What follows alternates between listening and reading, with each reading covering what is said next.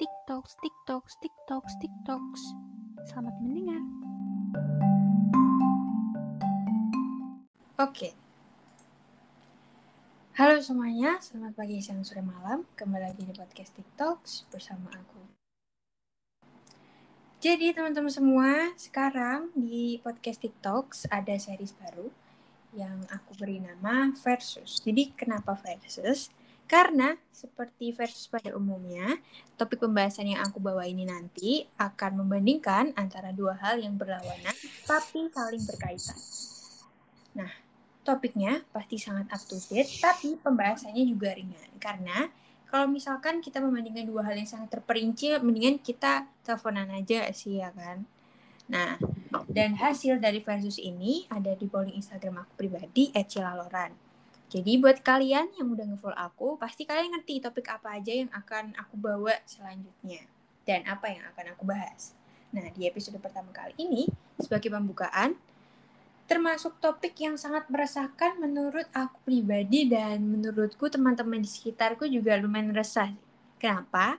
Karena topik pembahasan mengenai love life ini aku sangat tidak beruntung maaf ya teman-teman. Jadi membahas ini itu sebenarnya kayak sedih gitu guys sebelum kita membahas topik ini lebih dalam, mari kita sambut teman yang akan menemaniku di episode kali ini. Jadi ini episode pertama, terus juga uh, duet aku yang pertama kali di episode versus ini.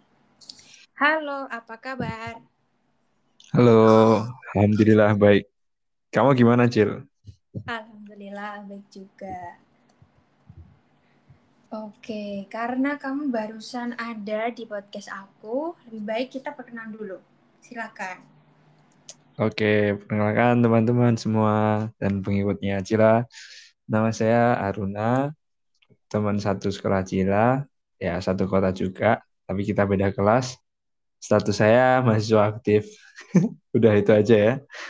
Oke, nah akhirnya nih teman-teman aku nggak sendirian membahas topik ini. Kalian pasti udah lihat sih di judulnya dan semoga perjalanan episode ini bisa menambah insight dari sudut pandang yang berbeda antara cewek dan cowok. Karena ke depannya nanti uh, rencananya kita akan membahas topik yang di series versus ini dari cewek dan cowok gitu. Nah uh, Aruna btw kan ini topiknya diambil dari polling yang ada di Instagram aku. Jadi uh, topiknya adalah bucin versus tidak bucin. Kira-kira kamu tim mana? Kalau aku disuruh milih tim bucin sih. Uh, kalau kamu menurut uh, polling yang kamu buat, kamu masuk mana? Kalau aku pribadi, aku tim bucin, ya kan. Dan ternyata juga dari polling hasil polling itu orang-orang tim bucin. Jadi mostly emang semua orang itu bucin. Gitu. Nah, oke. Okay kita langsung aja masuk ke topik pembahasannya.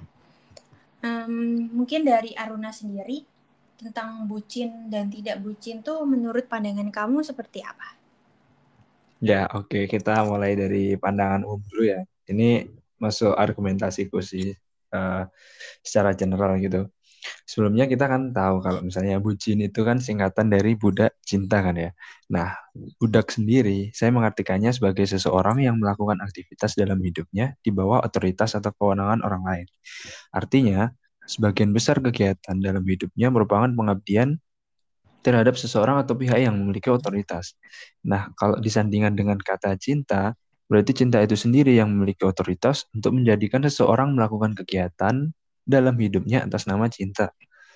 Namun, sejujur, sejujurnya saya adalah orang yang kurang suka kosa kata budak cinta ini lahir gitu. Karena semakin ke sini orang-orang dengan mudah menjustifikasi seseorang itu sebagai budak cinta tanpa melihat apa yang sebenarnya mereka lakukan.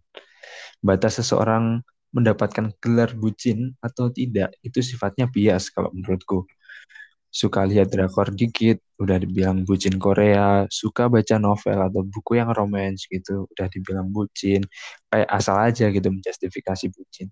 Padahal kata bucin ini harusnya diperuntukkan bagi orang yang mengorbankan segala uh, segala-galanya untuk mempertahankan rasa cintanya pada sesuatu gitu. Udah kayak di atas batas normal aja sih kalau kataku.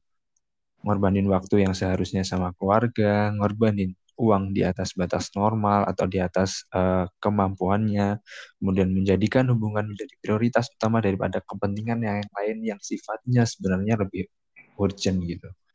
Misal nih kalau kita bicara dalam konteks uh, relationship, katakan ada teman kita nih yang lagi berjuang buat pacarnya atau buat uh, doi barunya gitu ngantar pulang ngantar pulang sekolah sampai rumahnya gitu misalnya bagi saya itu bukan bucin selama dia nggak mengorbankan segala kewajiban yang menjadi tanggung jawab dirinya secara personal.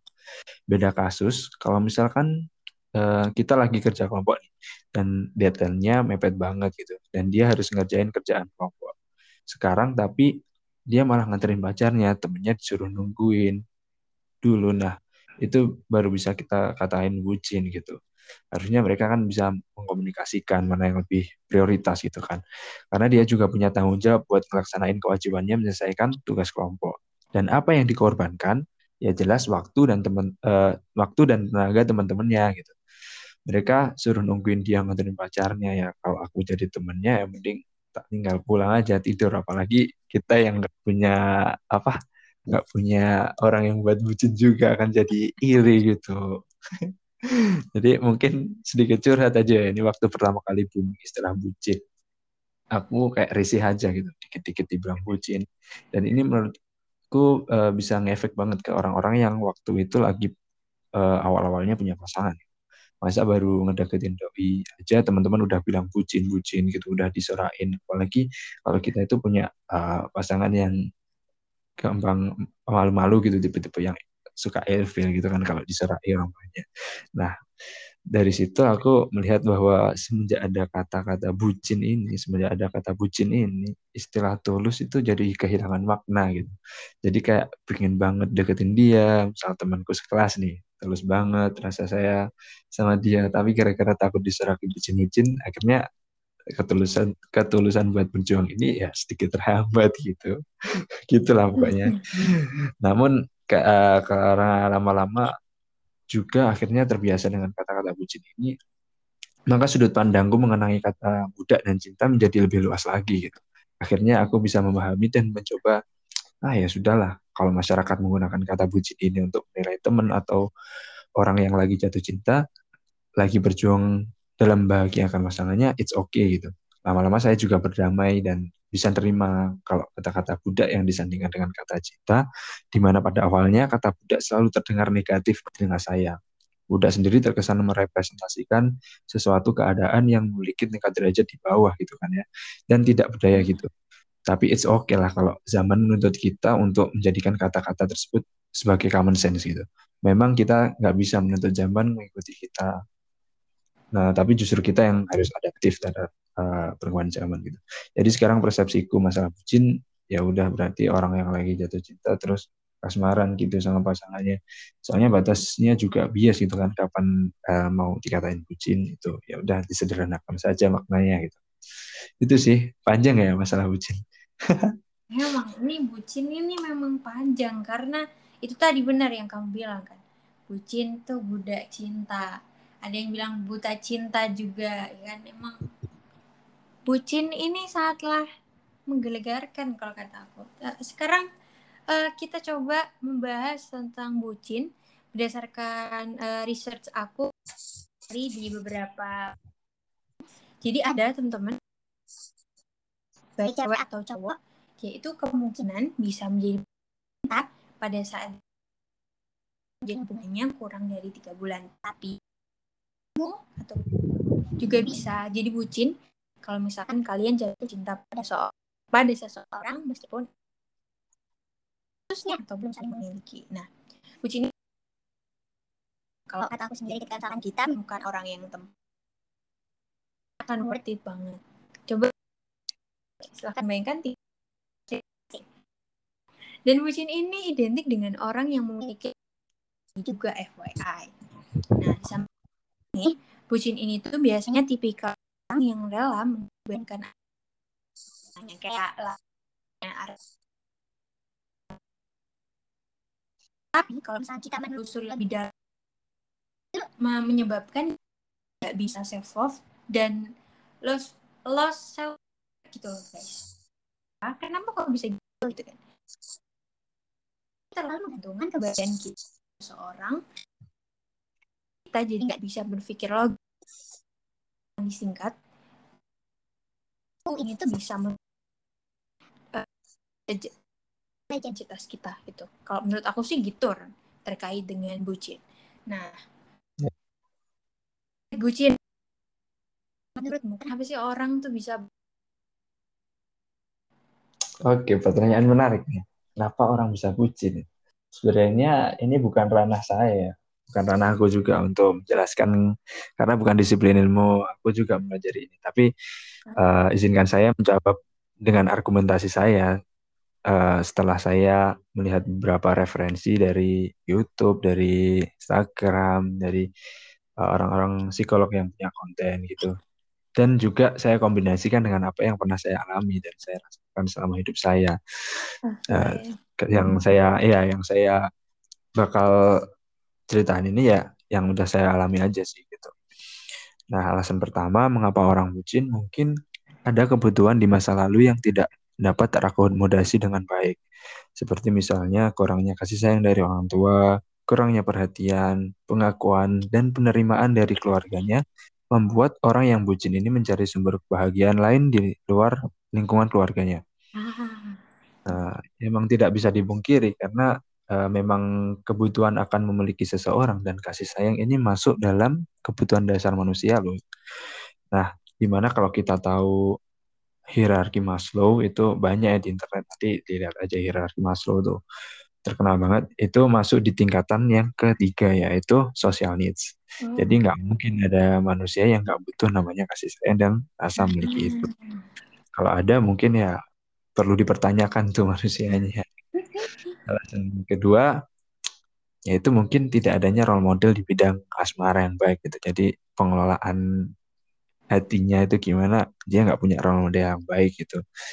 Jadi dia ketika mengenal cinta dia tidak tahu batas untuk mencintai dengan normal itu seperti apa kan hidup itu kan tentang uh, batas antara memperjuangkan dengan memaksakan kan ya jadi di situ harus tahu batas aja gitu kan nah aku coba ngasih sedikit ilustrasi ya misal ini ada orang yang dia kurang bisa merefleksikan kasih sayang dari keluarganya gagal mendapatkan pengakuan dan penerimaan akan cenderung mencarinya dari pihak luar. Misal teman pacar atau gimana.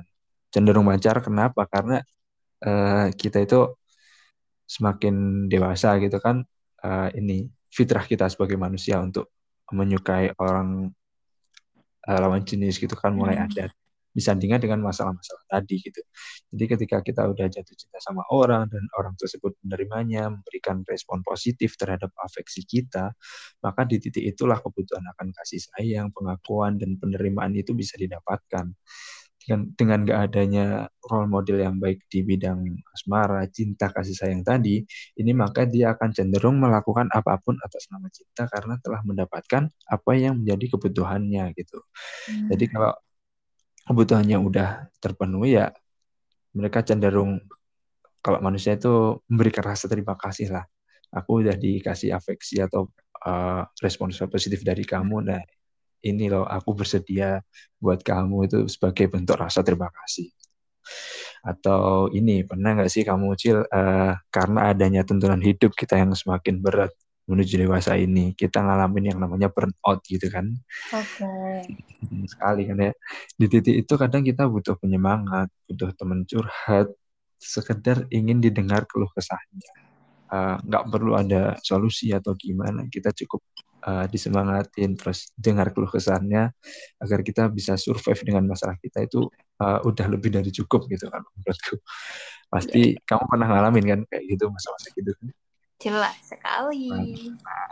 Mungkin dari situ berangkat dari situ kita kadang sungkan ya sungkan malu-malu atau adanya gap antara hubungan kita sama orang tua itu membuat kita mencari penyemangat dan tempat curhat itu ke orang lain yang seumuran dengan kita yang lebih relate. Kalau kata anak-anak zaman sekarang yang bisa lebih sefrekuensi gitu. Karena kalau kita sama orang tua kita kan kayak beda zaman gitu. Hmm. beda pemikiran juga gitu kan jadi agak terhambat Dan akhirnya kita ketika uh, udah menemukan orang yang kita rasa tepat untuk menjadi wadah baru kita buat berkeluh kesah, kemudian nyaman, sampai bisa kecanduan, dan ini bisa pada akhirnya mengarah ke bucin. Gitu. Padahal seharusnya uh, kalau kata Ibu Sri Mulyani, home is the safest place to solve our problem. Nah, tapi harusnya kan itu harusnya jadi tempat yang teraman gitu, Pak. Uh, yeah. misalnya masalah. Tapi kadang kita nggak tahu uh, apa um, faktor eksternal dan internal yang terjadi dalam hidup kita dan keluarga kita gitu. Oke, relate banget ya uh, dari penjelasan Aron tadi yang pertama karena ada kebutuhan masa lalu yang tidak ter terakomodasi dengan baik. Uh, lumayan lumayan relate gitu ya. Terus yang kedua tadi uh, tidak adanya role model bisa jadi gak sih? Nah terus yang terakhir tadi itu karena burnout. Itu bener banget sih pasti kayak di antara teman-teman semua yang lagi dengerin juga mungkin kalian juga sekarang lagi dengerin ini karena kan lagi burnout ya kan? Nah semoga uh, insight kalian terbuka gitu ya guys. Nah aku juga nemu nih uh, menurut dari kacamata sains jadi sebenarnya bucin ini itu bisa dijelaskan dengan sains gitu. Jadi ada uh, beberapa faktor. Jadi yang menyebabkan kenapa orang itu bisa bucin. Ada dua faktor. Yang pertama itu faktor kimia. Jadi otak manusia ini memang diprogram untuk jatuh cinta. Kalau misalnya kita lagi jatuh cinta, ada hormon dopamin yang diproduksi secara masif di dalam otak yang membuat uh, cinta itu akan terasa candu seperti kokain. Dan gak heran sih kenapa ketika misalkan kita lagi jatuh cinta sampai bucin itu semua yang dilakukannya akan terasa menyenangkan dan menjadi kepuasan sendiri di dalam otak dan pikiran kita. Terus yang kedua ada uh, faktor psikologis. Jadi tingkat keparahan orang ketika misalnya dia bucin adalah ditentukan oleh kondisi psikologisnya. Seperti yang aku bilang tadi, decrease intelijensitas kamu. Nah, menjadi semakin rendah harga diri, keadaan mental, serta emosional, maka semakin besar juga kemungkinan orang tersebut akan menjadi bucin. Gitu, teman-teman. Nah, terus karena Aruna tadi udah ngejelasin kan, nah, dari apa itu namanya, mengapa orang bucin gitu. Sebelum kita masuk ke dampak-dampak bucin apa, aku akan jelasin nih ke teman-teman semua. Dampak negatifnya bucin apa. Nah, jadi dampak dari negatif bucin ini sebenarnya um, kalian harus siap gitu dengan konsekuensi negatifnya yang mungkin uh, diterima ketika kita memenuhi permintaan seseorang tanpa logika. Gitu teman-teman jadi yang pertama kalian kalau misalkan bucin akan mendapatkan kritik dari lingkungan. Karena apa? Karena orang lain yang dengan logikanya masih berjalan pasti mereka itu ngelihat para bucin-bucin ini sebagai hal yang nggak masuk akal. Jadi nggak heran gitu kalau misalkan bucin ini tuh sering dikritik terus dijekin gitu nah karena kebucinannya itu tadi tapi ketika tersebut karena bucin ya kan buta gitu mereka tuh nggak dengar itu dan juga karena ada perasaan yang lebih kuat daripada uh, kebucinan itu yang menutupi akal sehatnya terus yang kedua itu ada bisa menyebabkan kita jadi sulit untuk mencapai tujuan. Ini real banget sih sama aku. Jadi target-target tertentu dalam hidup kita yang akan kita raih itu bisa lupa gitu. Karena kita terlalu fokus dengan percintaan apa yang belum tentu menghasilkan suatu hal yang positif. Itu real banget sih. Terus yang ketiga adalah itu bisa melukai mental. Nah, bucin sendiri ini tuh selalu bisa jadi alasan atas pembenaran atau keinginan yang diminta oleh orang yang dicintainya. Jadi secara nggak sadar, hal bucin ini itu lama-kelamaan akan membuat perasaannya sendiri itu terluka dan memperparah kondisi psikologisnya di kemudian hari kalau misalkan sudah putus gitu ya teman-teman. Nah, jadi untuk mengakhiri predikat bucin ini, kamu semuanya harus meluangkan waktu untuk mengevaluasi diri gitu. Dan kamu harus lebih mengenal orang yang kamu cintai dengan lebih seksama. Kalau perlu nih, jadi kamu itu harus mengungkapkan rasamu ke dirinya atau ke pasangan kamu sehingga kalian berdua itu memiliki ekspektasi yang nyata dan jelas dengan hubunganmu dan pasanganmu ke depannya. Kayak gitu dari aku terkait yang dampak negatif bucin. Nah mungkin Aruna hmm, karena udah negatif kan ya. Menurut Aruna sendiri dampak positif dari bucin itu apa? Oke, kan tadi udah negatifnya, sekarang positifnya. Ternyata bucin sendiri juga punya uh, dampak positif ya. Saya nggak iya. tahu sih ini kalau menurut aku pribadi ya itu ada tapi nggak tahu lah kalau teman-teman nanti berpendapat lain ya terserah sih. Kalau menurut aku pribadi kalau dampak positifnya dari apa yang udah pernah aku alamin dulu uh, mungkin bisa menjadi katalisator semangat kita dalam melakukan aktivitas dan kewajiban kita sebagai seorang manusia. Karena kita sebagai manusia tentu butuh yang namanya bahagia gitu. Nah, jatuh cinta menjadi salah satu cara yang paling sederhana untuk membuat kita bahagia. Nah, aku pernah baca di artikel gitu kalau jatuh cinta ini menjadi salah satu trigger untuk memicu hormon dopamin, hormon yang membuat kita bahagia dalam diri kita gitu. Kayaknya udah dijelasin juga sama Cira tadi yang uh, masalah ilmiah tadi kan. Nah, coba deh waktu lagi ini ilustrasi aja ya. Waktu lagi kasmaran gitu. Pasti lihat fotonya aja udah kayak bisa senyum-senyum sendiri. Chat kita dibalas aja kayak udah seneng banget. Bahkan lihat dia online aja udah seneng banget itu padahal belum tentu dibalas juga kan. Nggak apa-apa manusiawi kok itu. Santai aja. Belum lagi nanti kalau kita lagi ngedown butuh teman cerita terus pasangan kita bisa jadi wadah kita buat sambat berkeluh kesah gitu. Terus dia ngasih semangat kayak healingnya itu bisa cepet banget gitu. Aduh hai. Kata, ya, namanya juga katalisator kan. Dikasih kata-kata semangat aja udah bisa semangat lagi gitu. Itu dari aku sih kalau kamu juga ngerasa gitu nggak sih Oh, jelas dong, ini jadi jelas. agak halu-halu gitu ya, karena tidak ada objeknya. iya, siap. Waduh, jadi curhat ini. Terus dampak positif yang kedua, yang aku rasain mungkin aku bisa mendapat lebih banyak sudut pandang pemikiran dan perasaan dari pasangan kita yang tentu ada yang berbeda dari, pemikiran dan perasaanku yang nggak mungkin bisa aku rasakan sebagai seorang laki-laki. Uh, seperti yang kamu katain di awal tadi kan, uh, kita kayak aku itu tipe-tipe orang yang suka diskusi itu jadi memperbanyak sudut pandang gitu. Makanya kayak aku sering ngajak diskusi diskusi gitu kalau punya pasangan gitu. Sebenarnya kamu e, ngerasa hubungan kita selama ini gimana sih? Terus kita e, kalau udah terbentuk komunikasi dua arah gitu kan waktu e, kita sebagai laki-laki ngelakuin kayak gini gitu gimana sih penerimaan dari sisi perempuan gitu kan?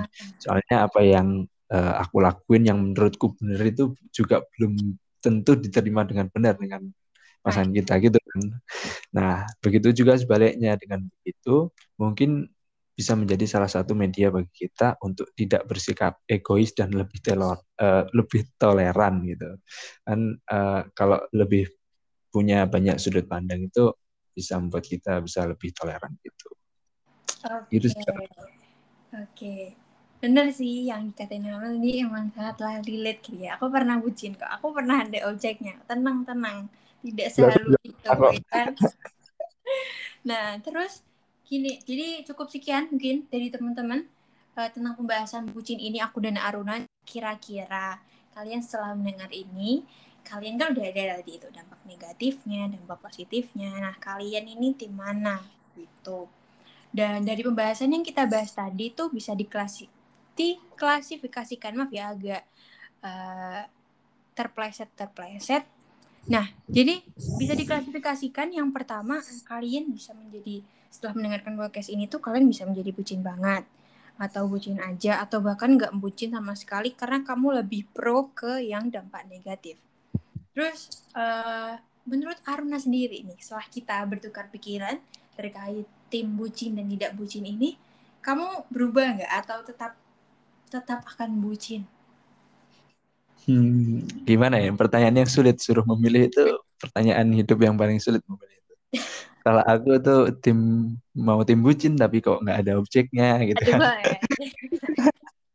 Kalau aku sih dari pembahasan tadi tim bucin sih untuk saat ini. Tapi bucinnya bukan budak cinta, tapi butuh cinta ya kan. Oke, okay, butuh cinta tetap tim bucin sih cuman untuk saat ini mungkin masih butuh waktu ya buat masuk ke dunia perbucinan lagi karena beberapa faktor.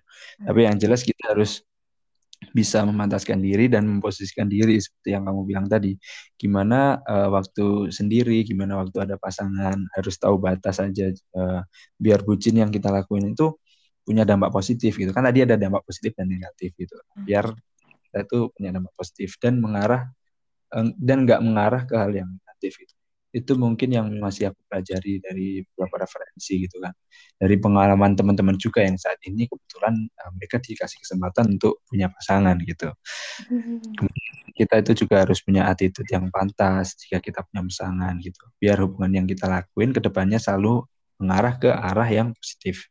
Dan ketika hubungan itu mulai menuju ke arah negatif, kita tahu bagaimana treatment kita agar bisa kembali ke jalan yang benar, kembali ke ranah yang positif. Itu soalnya memang kita itu nggak bisa menuntut hidup kita itu selalu strike line positif ke atas, terus positif, terus pasti ada fase-fase di mana kita itu akan cenderung ke negatif. Dan saat itu kita sebagai manusia bisa memitigasi agar hubungan kita itu bisa tetap sehat, bisa tetap positif gitu.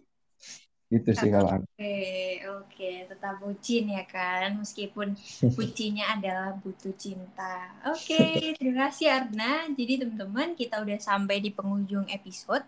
Semoga dengan pembahasan topik kali ini, teman-teman yang masih single bisa persiapan nih untuk memilih seseorang yang bucin atau bucin banget atau bucin aja atau bucin tidak sama sekali gitu kan. Dan teman-teman yang sudah punya pasangan, semoga yang ada di samping kamu sekarang itu ada orang yang tepat gitu supaya ada stereotip bucinlah dengan orang yang tepat ini tuh bisa kamu rasakan hingga akhir hayat gitu.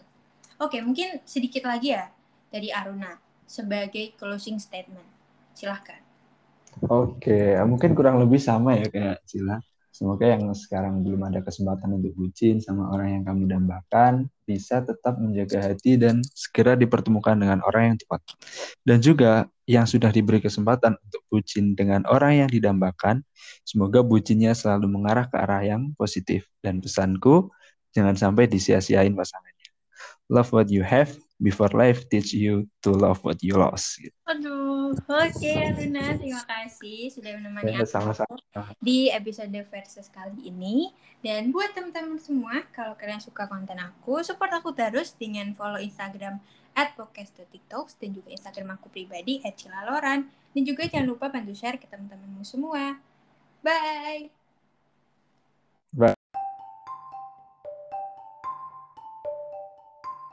Terima kasih udah dengerin sampai selesai.